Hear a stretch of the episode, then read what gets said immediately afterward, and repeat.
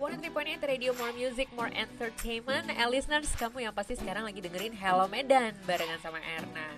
Kalau nih, Erna menyebut kata Gucci Bukan Gucci keramik yang kendi itu bukan Tapi brand Gucci.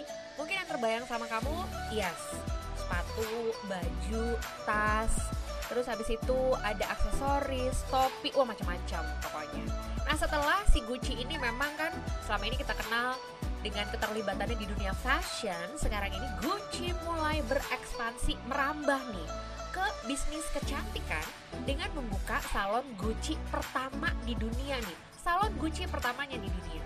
Nah, brand mewah dari Italia ini itu membuka salon di lokasi ex tokonya Marc Jacobs di 8400 Melrose Avenue dan ruang ini tuh dikenal dengan ruangan yang kayak seluruhnya tuh tertutup dengan tanaman gitu dan setiap destinasi dari salon Gucci ini itu benar-benar dirancang sebagai ruang yang kreatif dan juga transformatif dengan suasana yang disesuaikan dengan masing-masing tempat.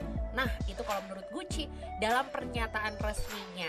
Dan hadirnya Gucci Salon ini tuh terinspirasi dari asal mula salon sebagai ruang yang private, ruang yang pribadi, intim, dan tempat bertemunya kreativitas.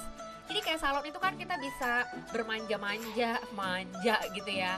Dan sambil bisa merawat diri tapi kayak bisa mungkin saking rileksnya ya.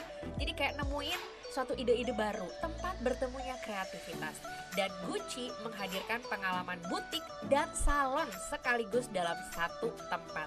Dan Gucci salon ini itu mengadaptasi gaya Hollywood dan juga butiknya Gucci di Los Angeles pertama yang dibuka di 1968 di Rodeo Drive.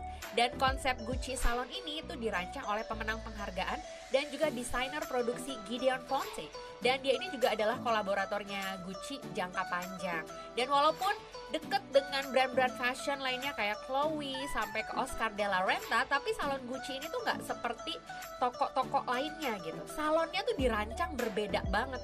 Ada sentuhan tekstil mewah dan juga finishing yang cakep mewah semuanya deh dalam warna putih yang elegan. Dan interiornya juga megah banget berpadu dengan lampu gantung kristal kayak berasa ada di rumah di set film Hollywood klasik. Jadi kayak gimana ya? Wah, pokoknya mewah banget dah.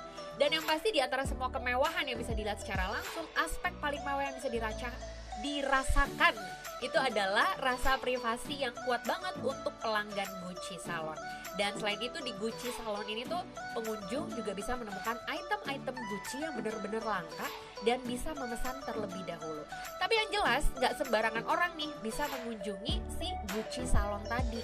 Kayak cuma klien-klien pribadi yang bisa merasakan pelayanan Gucci Salon yang semuanya dipersonalisasi sedemikian rupa untuk tamu istimewa kalau ngelihat semuanya tuh kayak wah itu kayak berasa pasti mewah banget di dalam.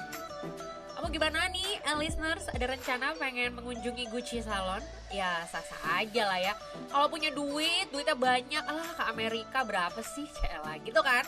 Terus masuk ke Gucci, ngerasain mewahnya, ngerasain nikmatnya, ngerasain suasananya pasti kan vibesnya tuh luar biasa banget ya. Ya sah-sah aja sih. Tapi jangan sampai nih pulang-pulang keluar dari salon Gucci, eh diperiksa KPK